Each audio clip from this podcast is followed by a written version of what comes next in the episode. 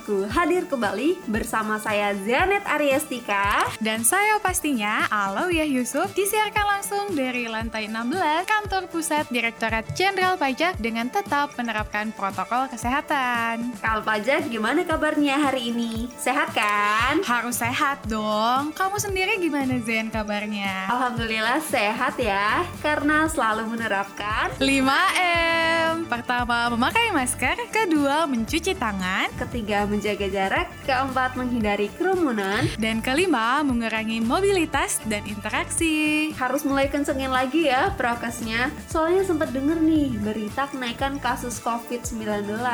Betul banget, gak ada ruginya juga kan kalau kita tetap taat protokol kesehatan. Ya Al, hitung-hitung pakai masker buat ngindarin asap kendaraan yang makin banyak aja nih di jalanan, iya nggak? Sudah mulai padat lagi ya sekarang jalanan.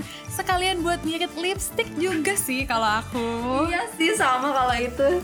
Eh udah udah udah, kita fokus lagi yuk ke pamorku.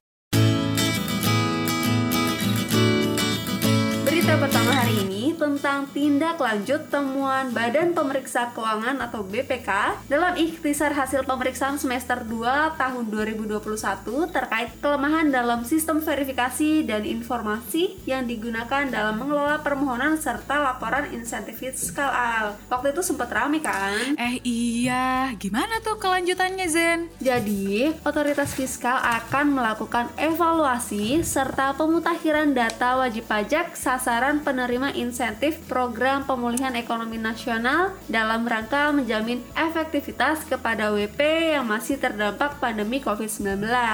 Semoga ke depannya makin terkoordinasi dengan baik ya, biar pertanggungjawabannya juga lebih transparan dan tentunya insentif ini lebih tepat sasaran. Amin. Dan yang penting terkait temuan tersebut, DJP telah memberikan tanggapan dan telah disampaikan juga ke BPKA. Oh iya siap, udah menanggapi berarti ya. Semoga segera clear nih masalahnya. Pajak pasti udah tahu kan tentang rencana integrasi NPWP dan NIK. Kalau aku udah dong, emangnya ada info apa nih? Nah, ternyata masih banyak yang salah paham nih. Kalau semua yang punya NIK atau NIK ini bakal kena pajak. Wah, padahal kan enggak ya, El? Ya enggak dong, masyarakat perlu paham nih bahwa penggunaan NIK sebagai NPWP tidak lantas membuat semua yang ber-NIK harus membayar pajak. Pemilik NIK yang wajib membayar pajak adalah yang NIK-nya sudah diaktifasi. Adapun NIK baru diaktifasi jika pemilik NIK sudah memenuhi syarat subjektif dan objektif yang sudah berusia 18 tahun dan memiliki penghasilan di atas penghasilan tidak kena pajak atau PTKP yaitu 54 juta rupiah setahun dengan status belum menikah dan tidak ada tanggungan atau omset di atas 500 juta rupiah setahun khusus untuk wajib pajak orang pribadi UMKM atau usaha mikro kecil menengah.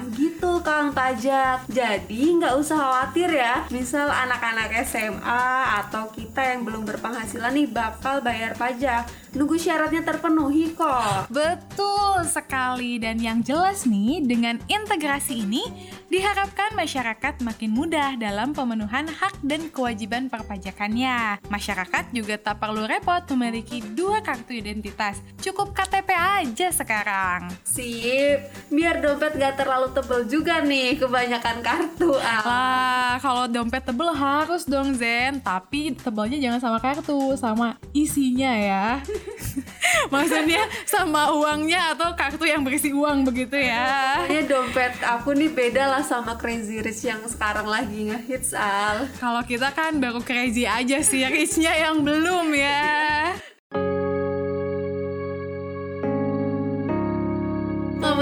Crazy Rich jadi nyambung nih ke berita selanjutnya. Kantor wilayah DJP Jakarta Selatan 1 mengundang 150 wajib pajak prioritas untuk mengikuti tax gathering tahun 2022 sekaligus sosialisasi program pengungkapan sukarela atau PPS. Hmm, kreditnya ini jadi pada ikut PPS semua gitu. Iya nih, ah. Kanwil DJP Jakarta Selatan 1 mencatat terdapat 13 wajib pajak super tajir dengan nilai harta dalam SPT tahunan di atas 500 miliar rupiah. Wah, Mengikuti mantap. PPS mereka.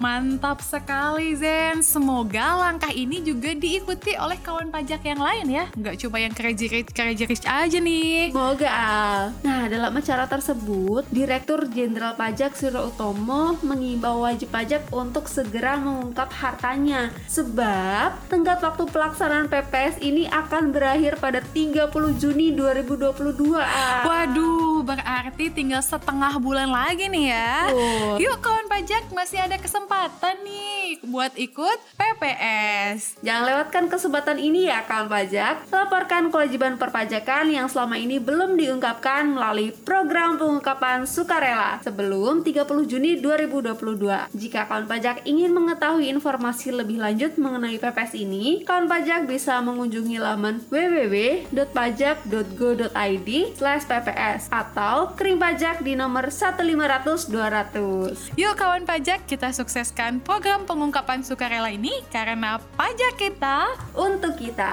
Sekian dulu berita pamerku minggu ini. jangan khawatir ya, karena kita akan kembali lagi minggu depan.